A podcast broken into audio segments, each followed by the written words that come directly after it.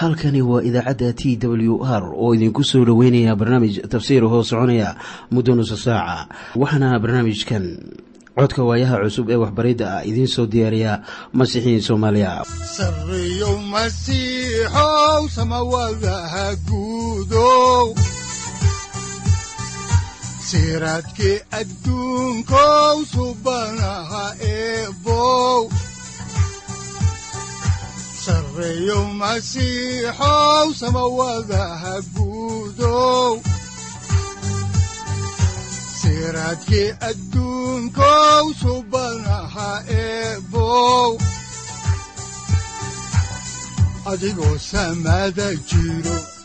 soo saldhiganba jiro ifkan soo saldhiganba kutubtiisanaye wuxunogu saaciiday sharxin sifahaaga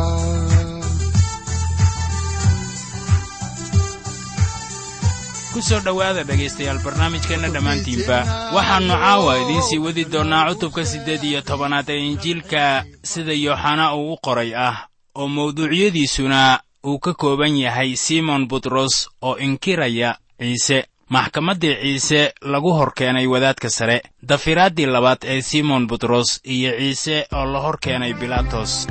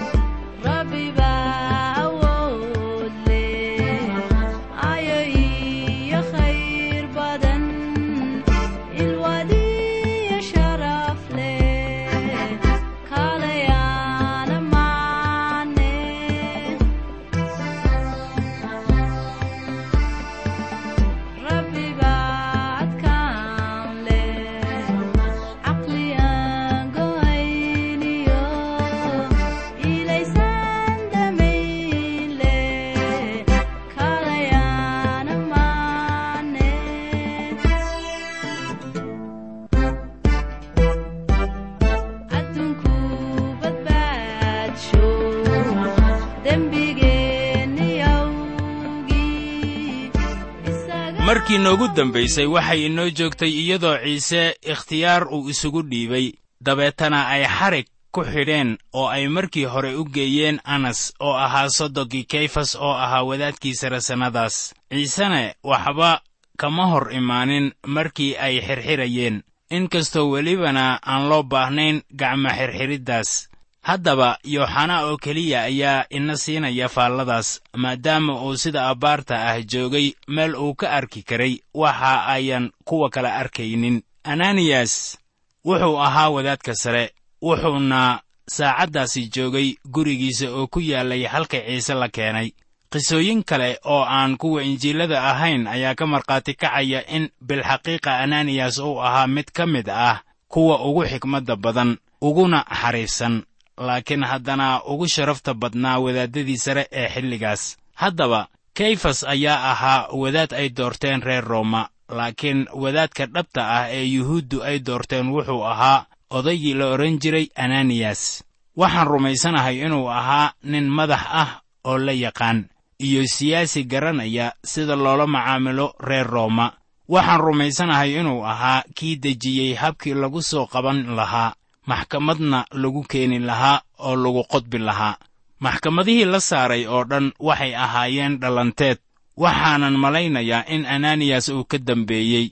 War maxaa cadaaladdarro lagu maamuli jiray dadka yuhuudda ah ilaa iyo wakhti dheer? Waxaa lagu eedeeyaa dembiyadii ay geysteen rag la mid ahaa anas kayfas iyo bilaatos. Ma ahan dembiga shakhsi gaar ah in lagu eedeeyo dad fara badan reer rooma waxay muddo dheer ku eedaynayeen dadka yuhuudda ah inay iyagu dileen ciise masiix taasuna waxay keentay in dadka yuhuudda ah laga nebcaado dalalka yurub.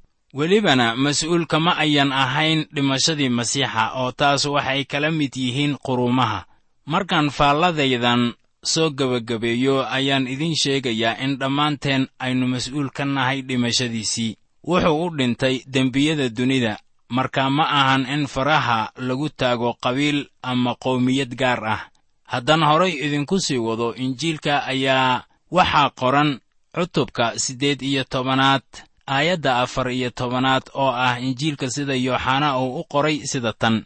Kayfas wuxuu ahaa kii kula teliyey yuhuudda inay u roon tahay in nin keliyahu dadku u dhinto waxaan rumaysanahay waxa yooxanaa sidan uu u leeyahay inay tahay isagoo doonaya inuu na tuso in dhimashada ciise ay tahay wax horay loo goostay. Marka ragganu horay bay u goosteen in sayid ciise masiix ay ahayd inuu inoo dhinto. Mar waliba sidaa ayay go'aansanayeen. Odaygii anas ahaa wuxuu garanayay sida loogu oogo dacwad ciise oo ciqaabta dhimashadana looga raadiyo xukuumaddii reer rooma. Maxkamaddii la keenay waxay ahayd dhalanteed balse iminka aynu eegno maaddada ku saabsan butros oo inkiraya ciise masiix. Sida ku qoran injiilka sida yooxana uu u qoray cutubka siddeed iyo tobanaad aayadda shan iyo tobanaad.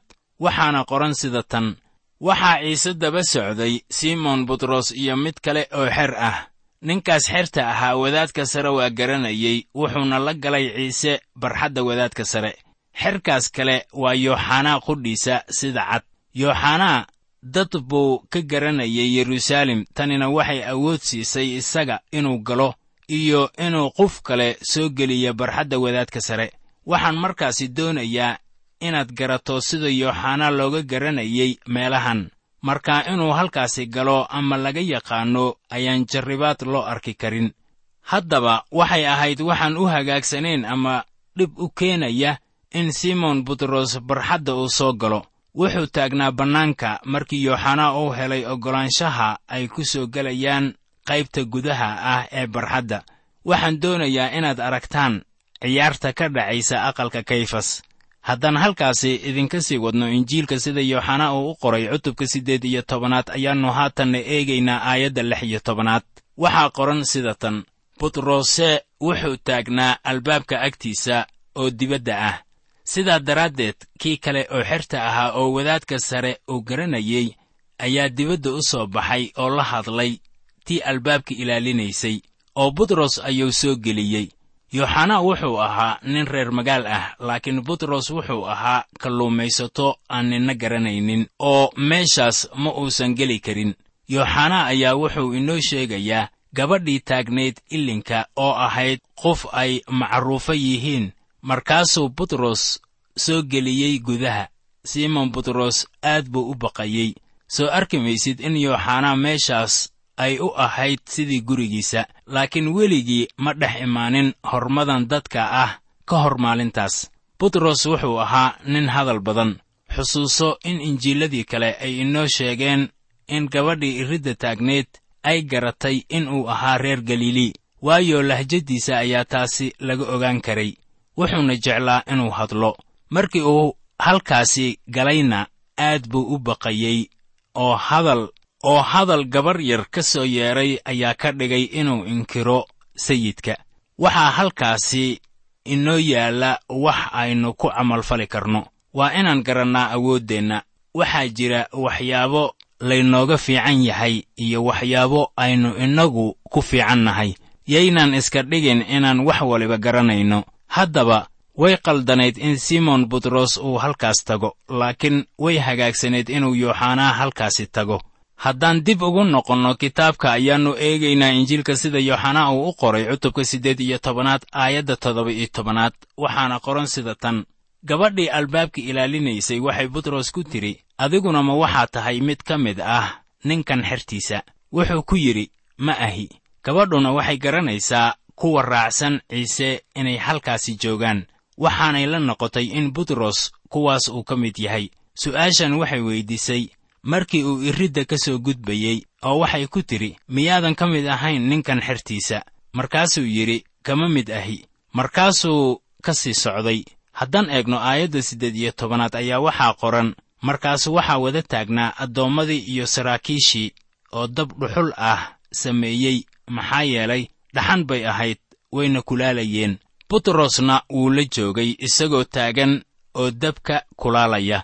Meel ka baxsan aqalka ayaa dadkii isku soo urursadeen. Ha yeeshee ma badnayn dadku xilligaas habeennimada ah. Laakiin ilaaladu waxay ahayd inay amarka iyo shuruucda dhowraan. Waxay halkaasi ka sameeyeen dab oo butrosna halkaas buu taagnaa isagoo dabka wax ka kulaalaya iminkana waxaannu soo gaarnay maxkamaddii masiixa la saaray. Isagoo hor jooga wadaadka sare. Haddaan xaalkaasi idinka akhrino injiilka sida yooxanaa uu u qoray cutubka siddeed iyo tobanaad aayadaha sagaal iyo toban ilaa kow iyo labaatan waxaa qoran sida tan. Haddaba wadaadkii sare wuxuu ciise wax ka weyddiiyey xertiisii iyo waxbariddiisii ciise ayaa ugu jawaabay bayaan ayaan dunida ula hadlay oo weligay wax baan ku bari jiray sinagogyada iyo macbudka meesha ay yuhuudda oo dhammi isugu timaado oo waxba si qarsoon uma odhan jirin. Maxaad ii weydinaysaa? Weydii kuwa maqlay waxaan kula hadlay. Bal eeg kuwaasaa og waxaan idhiye waxaa hadda diiradda la saarayaa dacwadda ciise. Waxaad ogaataa sharafta ciise masiix. Markaan idin akhriyayno aayadaha laba iyo labaatan ilaa saddex iyo labaatan waxaana qoran sida tan. Markuu sidaas yidhi saraakiishii midkood oo ag taagnaa ayaa ciise dharbaaxay isagoo leh. Ma saasaad ugu jawaabaysaa wadaadka sare. Ciise ayaa ugu jawaabay haddii aan si xun ula hadlay xumaanta ka marag fur haddaan si wanaagsan ula hadlayse maxaad ii dharbaaxaysaa wuxuu soo maray is-hoosaysiintan oo kale. Wuxuu isku dhiibay inuu u dhinto dembigayga iyo kaaga. Haddaba dareensiin maayo in waxa ay samaynayaani uu yahay sharci darro iyo xaal ka soo hor jeeda waxa sharcigii muuse uu leeyahay. Halkan kuma hayaan wax markhaati ah oo sheegaya inuu xumaan falay. Markaasay haddana dharbaaxayeen.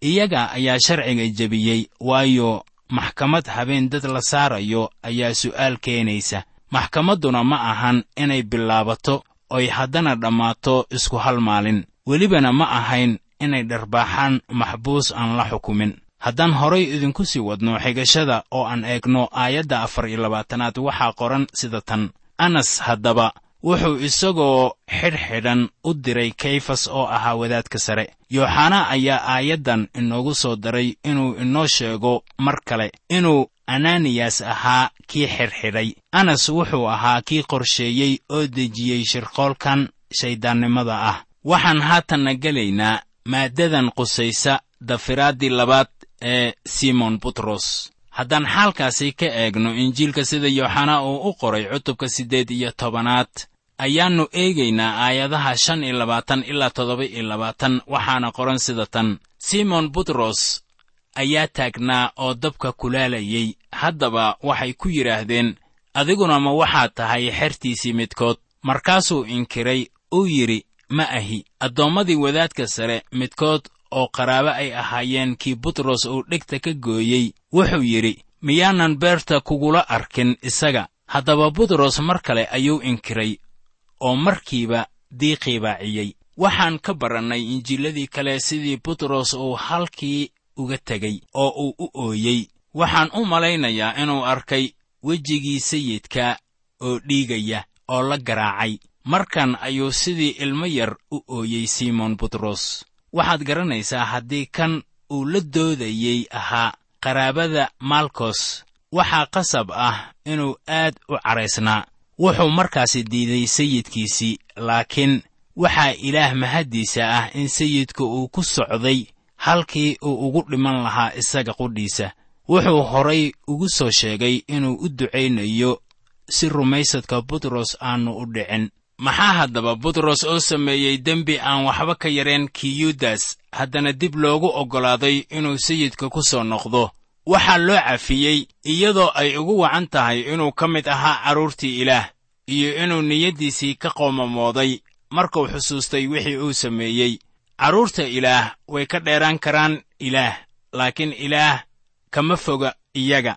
Waxaa laga yaabaa inuu ilaah kuula muuqdo inaannu weligaa ku soo jawaabaynin laakiin ilaah kuugu xisaabi maayo qof aan rajo lahayn. Kaana fogaan maayo mar waliba wuu ku dhow yahay. Sayidku kuma odhanin butros maadaama aad i dafirtay aniga. Mar kale kuma isticmaalayo. Ilaah sidaas ma odhanin wuxuu shakhsi ahaan ugu muuqday butros kadib intaannu sare kicin wuxuuna doortay butros inuu ku wacdiyo ama ka hadlo waxa isaga ku saabsan maalintii bentekost haddaba khudbadaas uu jeediyey butros mid la mid ah lama arag. Haddaba ilaah baa mahad leh inaan lahaanno badbaadiye iyo sayid sidaas oo kale ah. Mar waliba wuu ku doonayaa ama ku dayrin maayo. Iminkana waxaannu soo gaarnay maaddada ku saabsan ciise oo la hor keenay bilaatos haddaan horay idinku sii wadno xigashada kitaabka ayaannu eegaynaa aayadda siddeed iyo labaatanaad. Waxaa qoran sida tan haddaba ciise ayay ka kaxeeyeen kayfas ilaa guriga taliyaha. Waxay ahayd aroortii hore oo iyagu ma ay gelin guriga taliyaha si aanay u nijaasoobin laakiinse inay cashadii iidda kormaridda wax ka cunaan. Waxaa halkan yaalla arrin xiise leh oo aan doonayo inaad ila eegtaan. Waxaannu halkan ku arkaynaa diin iyo shakhsiyadda ciise masiix oo ishareero yaalla waxaa halkan jooga mid u yimid inuu kaamilo iidda kormaridda. Wuxuu ku sii jeedaa inuu iskutallaabta ku dhinto waayo waxay doonayaan inay kol dhow dhimasho ku xukumaan laakiin waxay kaloo doonayaan inay cunaan cashadii kormaridda. Nimankan sooma ayaan gelin halkii dacwaddu ay ka socotay waayo waxay la noqotay intaasu ay nijaasaynayso miyaa la odhan karaa waa niman daahir ah oo ahludiin ah. Welibana waxay qorshaynayaan dhimashada kan kaamilaya iidda kormaridda ama ciidda kormaridda ay cunayaan qudheeda saaxib sidee baa tanu niyaddaada ay u baaraysaa wakhtigan? Ma waxaad tahay ahludiin mise waxaad ku soo biiraysaa sayid ciise masiix? Haddaba waxaa jira umuuro kale oo xiise leh oo aad halkan ka arkaysaan. Yuhuudda qudhooda ayaan doonayn inay soo galaan qolka dacwaddu ay ka socoto si aanay ugu nijaasoobin. Laakiin iyagaa soo geliyey qolka dacwadda si loo xukumo. Waxaa markaasi halkan ka muuqda isbeddel xagga gudaha ah iyo weliba mid xagga dibadda ah. Bal dhegayso waxa uu leeyahay sida ku qoran aayadda sagaal iyo labaatanaad. Bilaatos ayaa u soo baxay iyagii. Waxaa kaloo ku qoran aayadda saddex iyo soddonaad qayb ahaan sida tan. Bilaatos haddaba guriga taliyaha ayuu mar kale galay oo wuxuu ciise ku yidhi adiguma waxaad tahay boqorka yuhuudda? Aayadda koowaad ee cutubka sagaal iyo tobanaadina waxay leedahay markaasaa bilaatos haddaba ciise uu watay uu karbaashay. Cutubka sagaal iyo tobanaad aayadda afraad ayaa haddana lagu qoray. Bilaatos haddana dibaddu u baxay uu ku yidhi iyaga eega isagaan idiin soo bixinayaa inaad ogaataan inaanan eed ku helin waxaa kaloo ku qoran cutubka sagaal iyo tobanaad aayadda sagaalaad sida tan oo haddana wuxuu galay guriga taliyaha. Aayadda saddex iyo tobanaad ee cutubka sagaal iyo tobanaad waxaa ku qoran iyana sida tan. Haddaba bilaatos markuu hadalladaasi maqlay ayuu ciise dibadda u soo saaray. Waxaa cad in bilaatos aannu jeclayn yeruusaalem wuxuu jeclaa kaysariya oo ku taalla xeebta. Waxay lahayd xeeb lagu raaxaysto oo la mid ah kuwa marka iyo jasiire iyo liido oo kale marka la gaaro wakhtigii iidaha kormaridda ayuu ka tegi jiray kaysariya wuxuuna imaan jiray yeruusaalem iyadoo ay la socdaan ciidankiisa ama askartiisa. Maadaama uu ahaa taliyihii reer rooma wuxuu mas'uul ka ahaa dhowrista sharciga wakhtigan. Marka yuhuuddu ay isugu imaanayaan iiddan iyagoo ay ka imaanayaan dal kasta taasaana sabab u ahayd in bilaatos u yimaado yeruusaalem wakhtigan haddaan horay idinku sii wadno injiilka sida yooxana uu u qoray cutubka siddeed iyo tobanaad ayaa waxaa ku qoran aayadaha sagaal iyo labaatan ilaa laba iyo soddon sida tan. Bilaatos haddaba ayaa u soo baxay iyagii oo ku yidhi maxaad ku ashtakaynaysaan ninkan? Way u jawaabeen oo ay ku yidhaahdeen ninkanu haddaannu ahayn xumaanfale kuma aannu soo gacan geliyeen. Haddaba bilaatos wuxuu ku yidhi idinku qaata oo sharcigiinna ku xukuma yuhuuddu waxay ku yidhaahdeen xalaal nooma aha inaannu nin dilno. Inuu ahaado hadalkii ciise uu ku hadlay kolkuu sheegay siduu u dhiman doono. Halkan ayuu wax ka dareemay bilaatos oo wuxuu gartay in wax si ay ka yihiin. Wuxuu isku dayey inuu xarigga ka sii daayo ciise. Wuxuu u sheegay in iyaga qudhoodu ay xukumaan ciise. Ma uusan garanaynin wixii halkaasi ka socday. Dhibaatadu waxay ahayd in iyagu ay doonayeen in la dilo ama la qodbo ciise waxayna haatan qiranayaan inaanay ahayn hoggaamiyeyaasha waddankan oo ayan haysanin xukun qof lagu deldelo ama lagu qodbo. Waa wax xiise leh haddaba in ragganu ay haatan qiranayaan inay ku hoos jiraan xukunka reer rooma.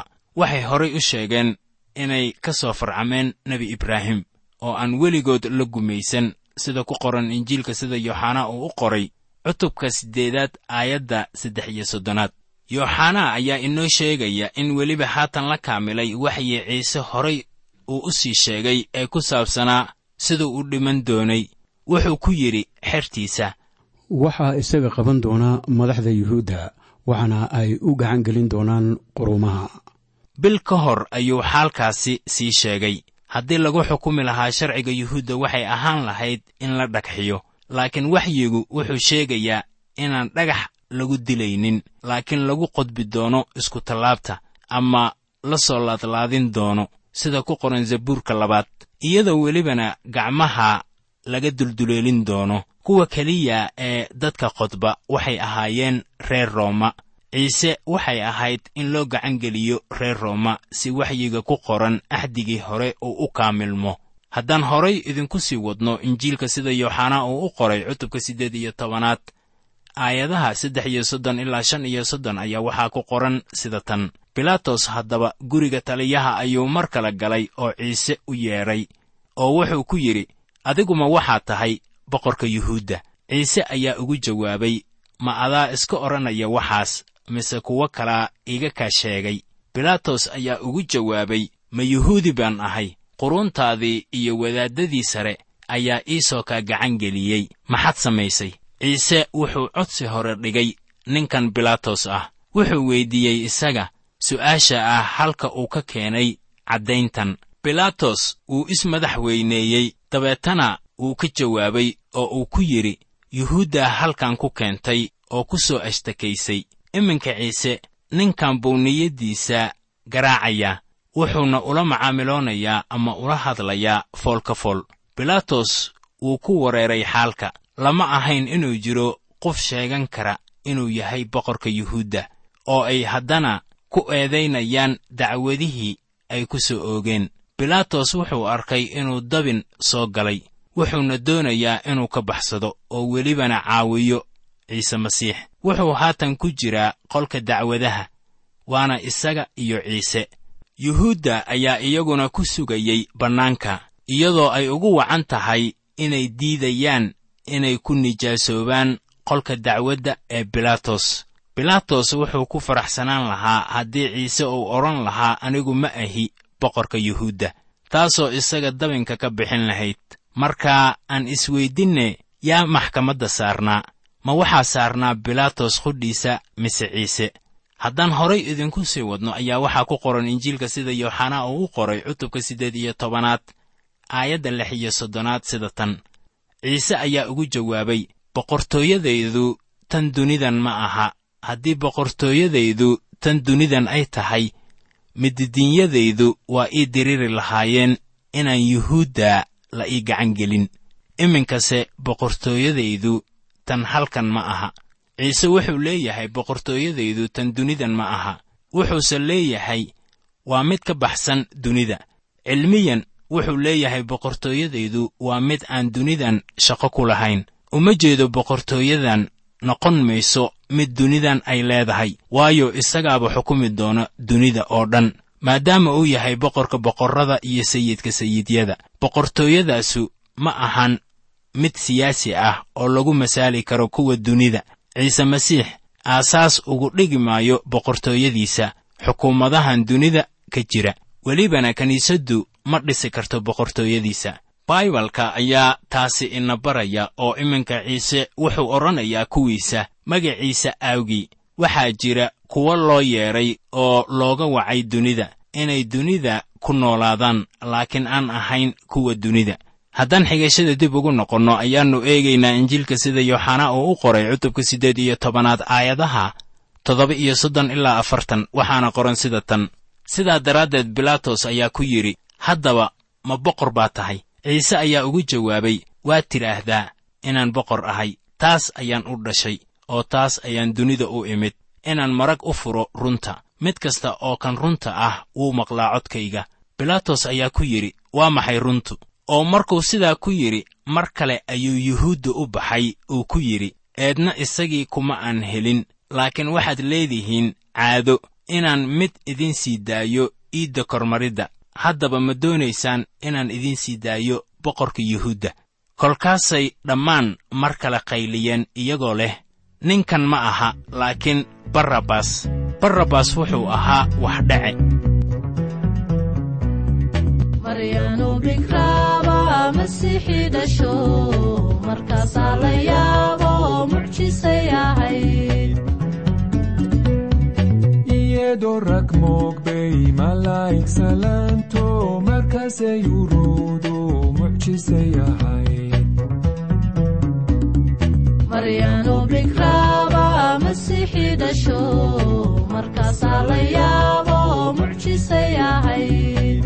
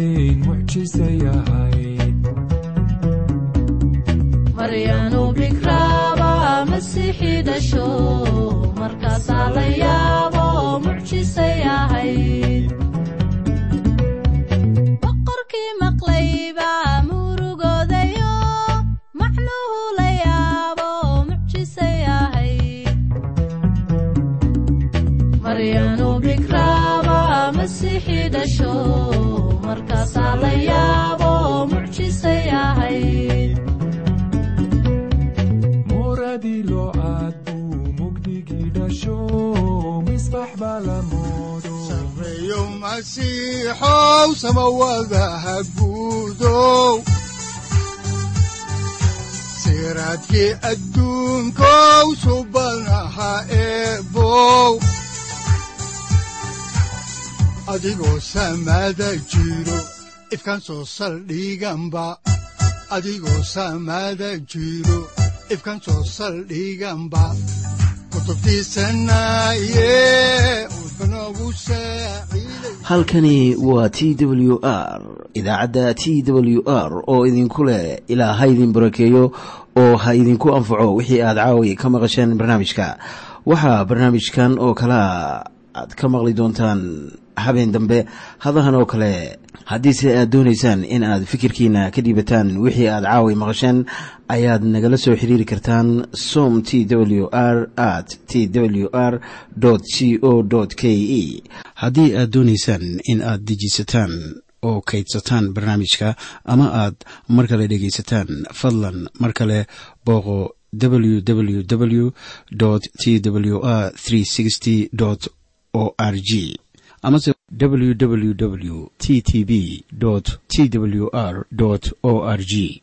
Amase waxaad teleefoonkaaga ku kaydsataa ama ku download garaysataa agabyada ku sahli karaa dhegeysiga t w r haddii aad doonayso in laga kaalmeeyo dhinacyada fahamka kitaabka amase aad u baahan tahay duco fadlan fariimahaaga soo mari bogga aaraahda ama kommentska inana jawaab degdeg ah ayaanu ku soo diri doonaa amase ku siin doonaaye wihiyow saacadda timid dhulka sabada ku dhalatiyo